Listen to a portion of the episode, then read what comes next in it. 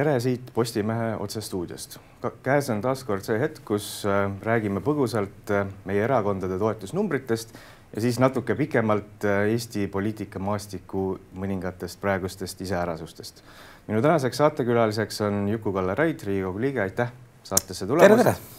et räägiks sinuga noh, paratamatult natuke Eesti kahesajast, aga võib-olla natuke ka sellest laiemast nii-öelda ummikseisust, milles Eesti poliitika praegu on.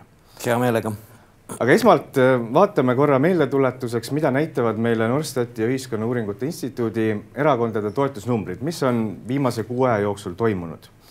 et äh, esmalt me näeme, et Isamaa toetuse kasv on jätkunud, et viimased paar kuud äh, nende toetus püsis stabiilsena, aga nüüd viimase kuu aja jooksul on nad liikunud paar protsendipunkti taaskord ülespoole. ilmselt peegeldab see nii-öelda Jüri Ratase efekti Äh, see, et Jüri Ratas lahkus Keskerakonnast ja liitus Isamaaga. Äh, EKRE ja Reformierakond on viimase kuu aja jooksul püsinud üpriski stabiilselt, mõlemad on hõljunud seal kuskil viieteistkümne, kahekümne protsendi vahel.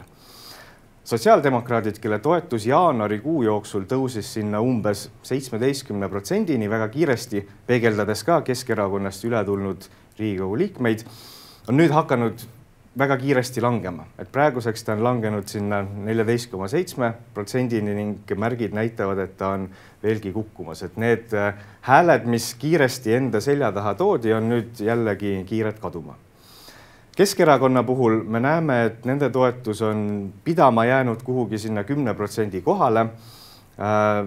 ei ole nad heas seisus, nii madal toetus Keskerakonnal viimati oli võib-olla kuskil üheksakümnendate sügavuses, kui siiski ja lõpuks Eesti kakssada, äh, nende toetus pikka aega oli stabiilne, kuid nüüd viimase kuu aja jooksul on nad uuesti nii-öelda äh, langusesse läinud ja nende toetus on langenud allapoole valimiskünnist.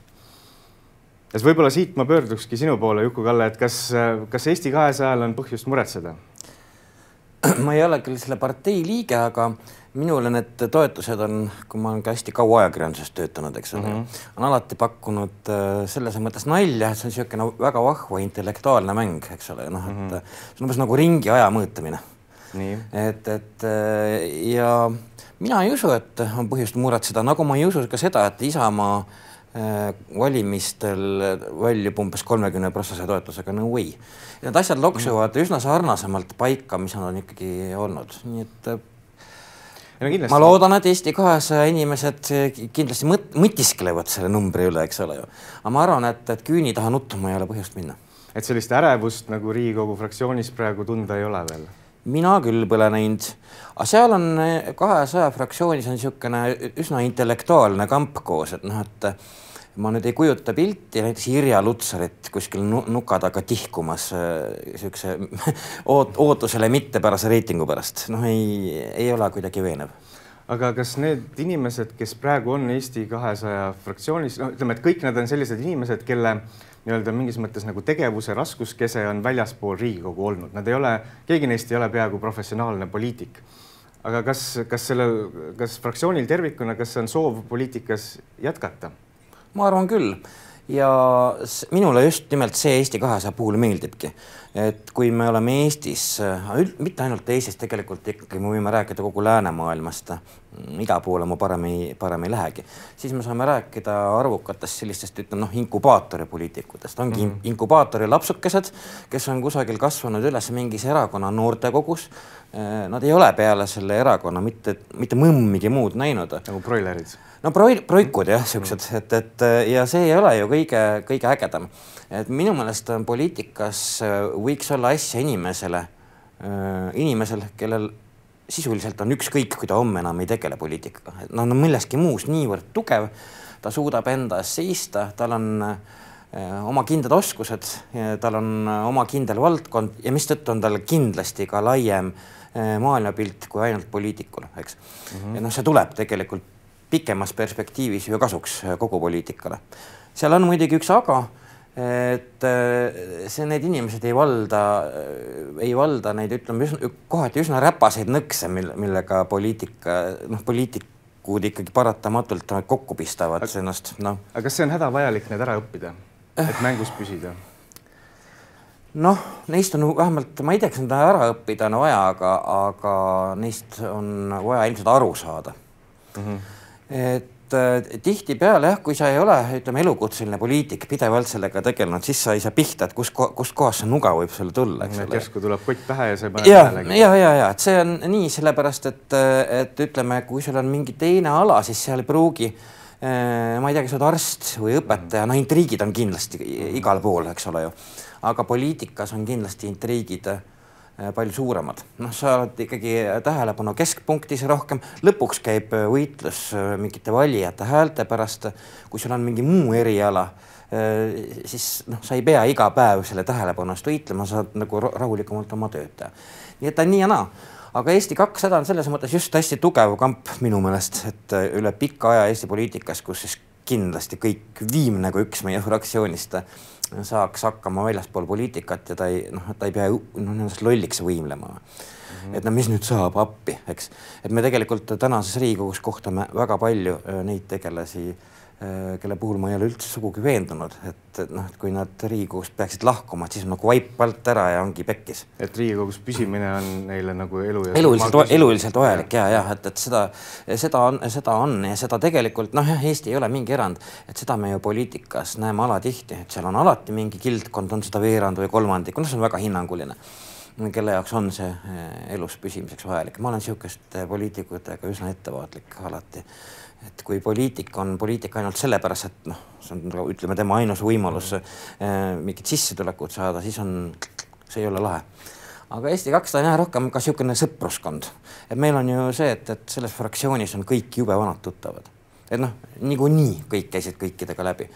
Äh, mida, mida, mida, mida peab ütlema ka, et on üsna harva et, ette tulnud, et isegi Vabaerakonnas ei olnud noh, nagu ütleme, niisugust nagu üsna ühtset sõpruskonda, mis on lahe, mis on väga tervistav. ja ma ja, väga ei muretse selle asja pärast. ja võib-olla see tuleb siis Eesti kahesajale kasuks ka, sest Vabaerakond hajus üpriski kiiresti, et Eesti kahesajal noh, tundub ka eriti tänaste uudiste valguses, kus tulid ilmsiks teatud konfliktid erakonna juhatuses, inimesed, kes ei saa omavahel läbi et noh, tundub, et ma arvan, see on ilge draama, ma seda..., ma ei ole kunagi niisugust jama näinud, et me istume iga päev ühise laua taga, eks ole ju.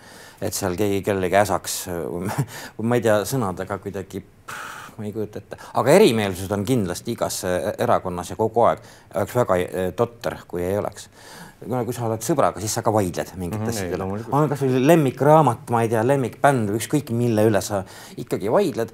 Äh, see on niisuguse noh, ütleme intellektuaalse eluvormi esmane tunnus. inimene peab ennast põhjendama, ta ei pruugi kõigega nõus olla. see, kui kõik hääletavad ja mõtlevad ühtemoodi, noh siis on Põhja-Korea või, või ilus elukene Turkmenbaši juhtimisel. jah ka sinu raskuskese on suuresti või enamasti väljaspool Riigikogu, väljaspool poliitikat, et sa oled tegelenud kirjutamisega, tõlkimisega, kirjastamisega, ajakirjandusega. sul on kontakte väga mitmete erakondadega olnud, et Rohelised äh,, Isamaa, Res Publica äh,, Iseseisvuspartei, Vabaerakond nüüd siis Eesti kakssada.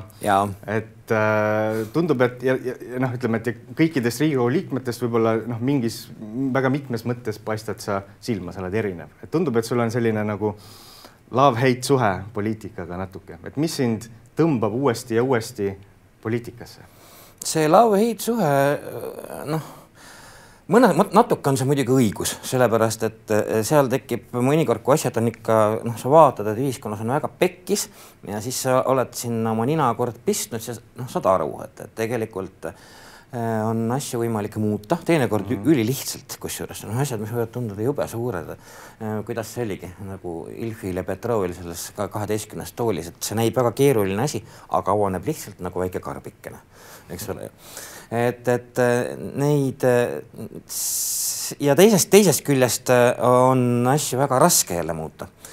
sest et kui sul on mingi, ütleme, mingi teine raju poliitiline jõud vastas, kes põhimõtteliselt mm -hmm. ei taha, ei taha noh, ei taha mitte millestki mitte midagi rääkida, ajab mingit oma jura muuseas, viimane aasta on selleks olnud EKRE eraldi võttes on seal väga palju ägedaid tüüpe, aga kui nad saali kokku saavad, siis oleks nagu paneel pähe kukkunud kõigile korraga, noh, et, et noh, on imelik, eks. et ilmselt nad siis saavad kusagilt siis oma enda erakonnast juhised, kui võima-, kui, et võimalikult lollilt mm, käituda. nii et noh, et, et see love-hate suhe on küll, aga seal on veel üks asi. poliitika on igal juhul põnev ta on väga põnev ja, ja poliitikaga ma õige varakult kõrvalt puutusin kokku, noh, esiteks muidugi läbi ajakirjanduse, sest kui ma isegi läbi niisuguse asja nagu, mille kohta sõber Mart Laar kunagi ütles, Eesti suurim roskalehti, Eesti suurim pasaleht, Post. Oli see, kus ma töötasin, minu arust üks kõige, üks noh, jah, see on üheksakümnendate algus, see üks kõige lõbusamaid, lõbusamaid töökohti, mis on mul üldse olnud, noh, seal sai uudiseid välja mõelda ja ja testida, ütleme, poliitilist, poliitikute sellist valuläve et, et kes siis, kes kelle kohtusse kaebas ja noh, kui kaugele sa võid ühiskonnas minna ja mille peale solvutakse ja ja noh, teinekord üsna lapsik on see kõik, see oli nagu väga hea kool.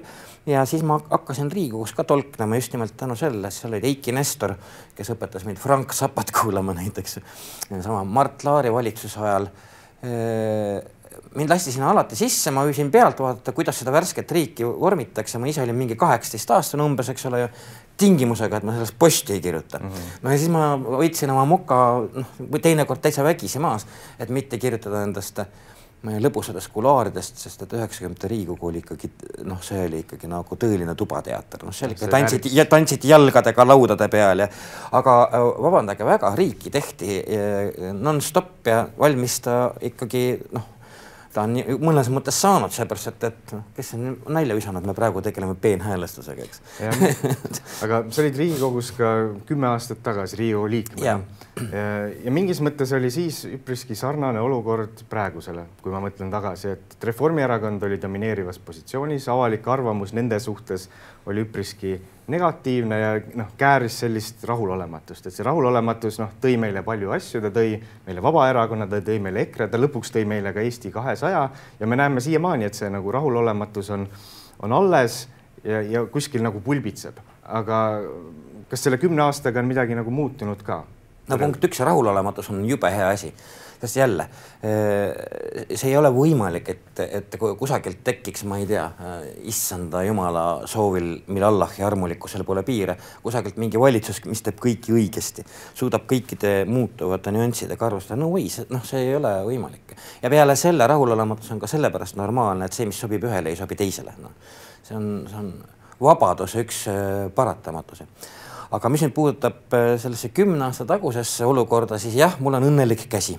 et äh, siis oli umbes samasugune värk ja ma mäletan, et see oli eriti, kui pandi kokku kahe tuhande kolmeteistkümnenda aasta eelarvet, siis oli ka see lõputu öine, öine jorutamine, mis tundus ka ikka täitsa hullumeelne, täiesti hullumeelne, et siukseid noh, niisugune juntimine, mis on Arvo Junti ühe Eesti poliitiku järgi saanud, see on siis pidurdamine äh, ka asjatute küsimuste esitamine, rääkimine, rääkimine mingist lennukitossust või noh, täitsa asjasse puutumatutest värkidest. et chemtrailid olid juba siis teema? ja, ja, ja muidugi, muidugi, muidugi, et noh, et, et seda on, seda on ikka poliitikas kasutatud neid asju, noh, kunagi Briti parlamendis on ette loetud telefoniraamatut ja mida iganes, et neid on, neid naljakaid juhtumeid on aga siis oli see, pidurdajaks oli toona oli Keskerakond ja, ja minu mäletamist mööda nad tahtsid välja pressida mingit pappi mingi oma tegevuse jaoks, lõpuks nad istusid koalitsiooni ja Keskerakond istusid omavahel maha, nad said selle papi ja siis Kadri Simsonil oli kohe suu lukus nagu rahu ja rahumaja ja obstruktsioon läbi.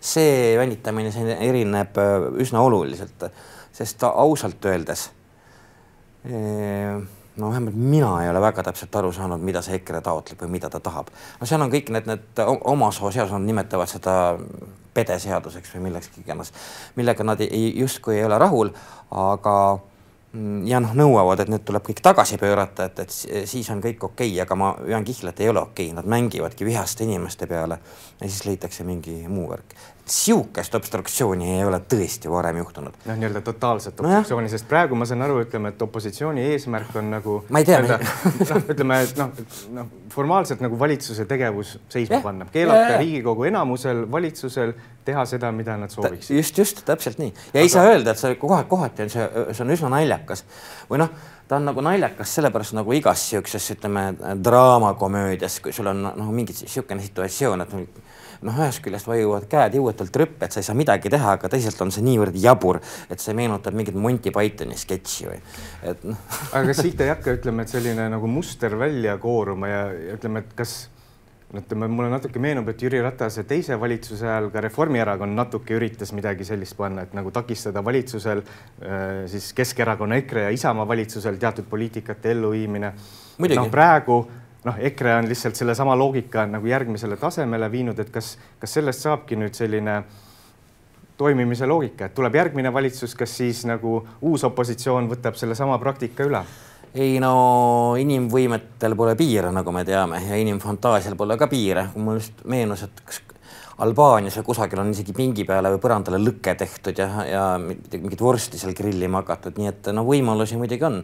ma loodan, et, et Martin Helme seda saadet ei vaata, muidu tulebki lõke äkki järgmisel nädalal. nojah, aga oletame, et noh, kaks tuhat kakskümmend seitse on uued Riigikogu valimised, valitsuse moodustavad EKRE ja Isamaa kes siis hakkavad. kõik ütleme, on võimalik. ütleme perekonnaseadust või näiteks automaksu või mida iganes tagasi keerama.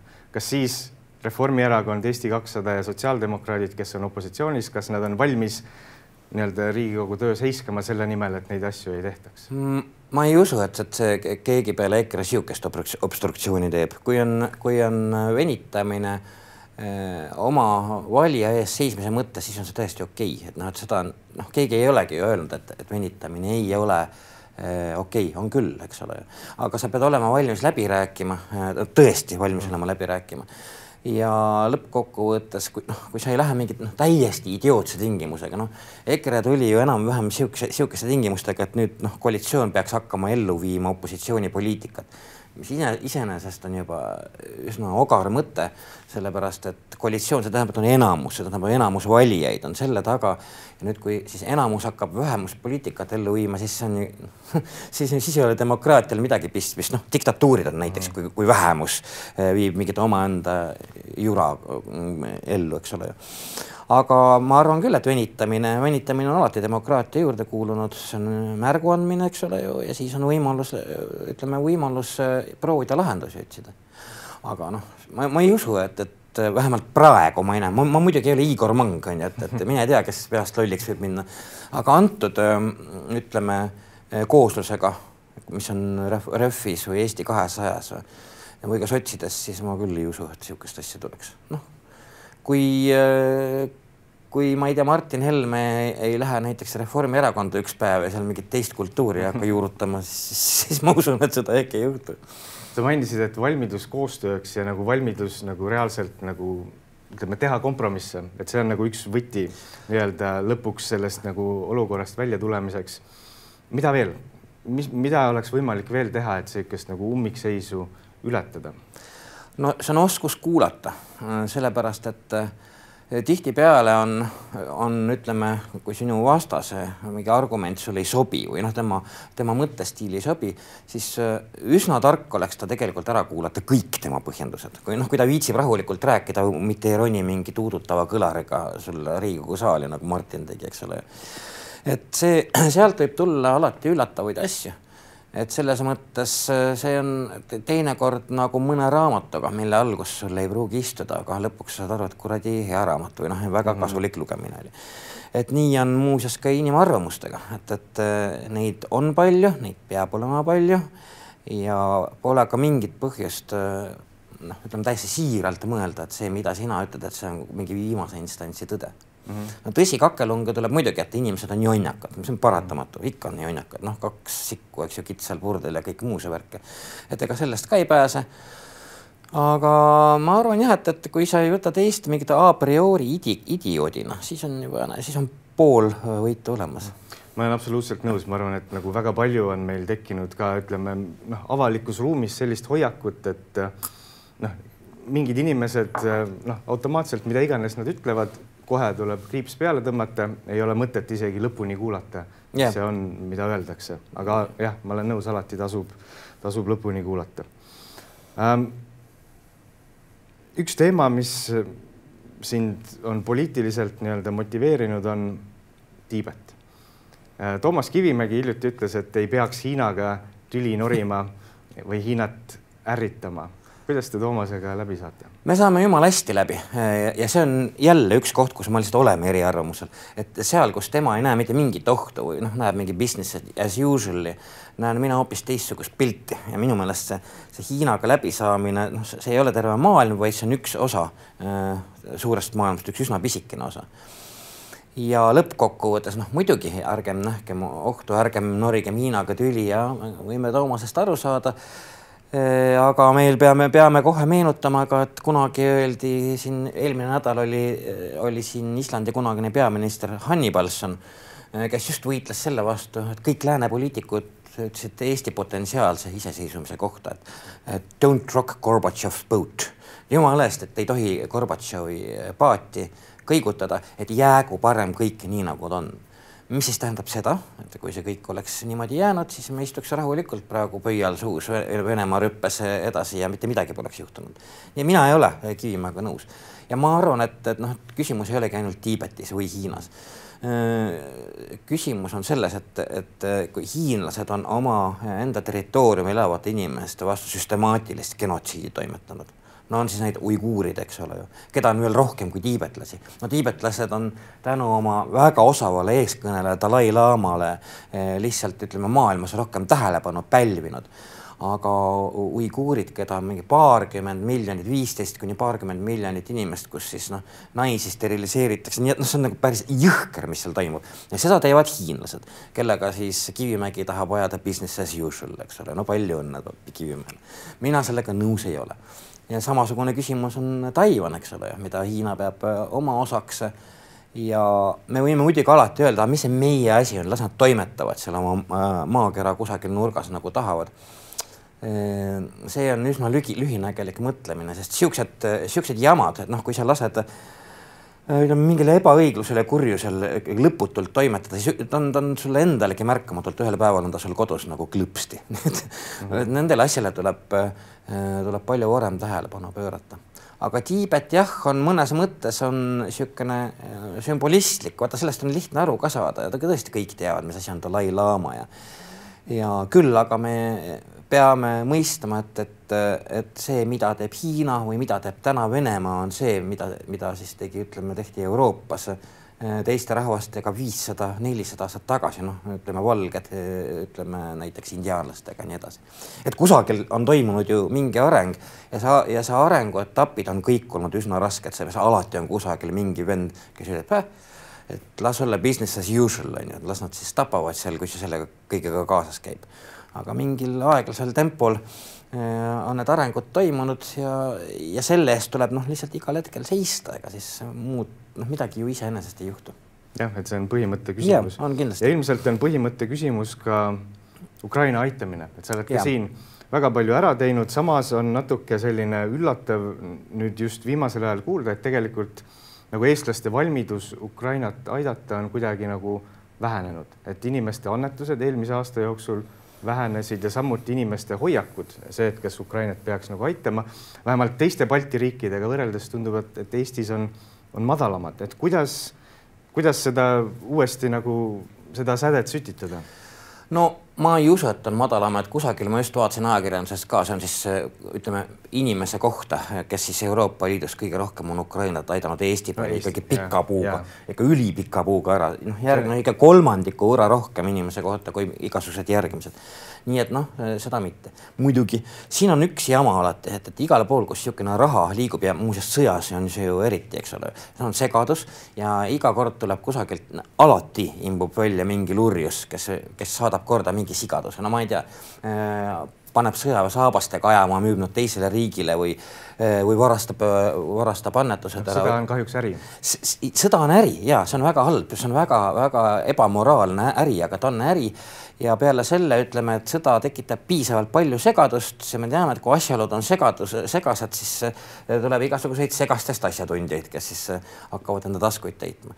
see käib sellega kaasas, aga mina näiteks ei näe seda, et, et see, see väsimus sõjast nagu äh, kuidagi väga hull. meil on oma eestikeelne kontingent on sõja algusest saati, kes ajavad mingit sihukest asja, mida me sellest Venemaast torgime, et, et, et kuradi hollid, las saavad ise hakkama või siis näe, meie oma lapsed elavad allpool vaesuse piiri ja meie ja meie siin aitame ukrainlasi. no ma arvan, nendel inimestel on lineaarse loogilise mõtlemisega ikkagi väga lihtsalt raskusi.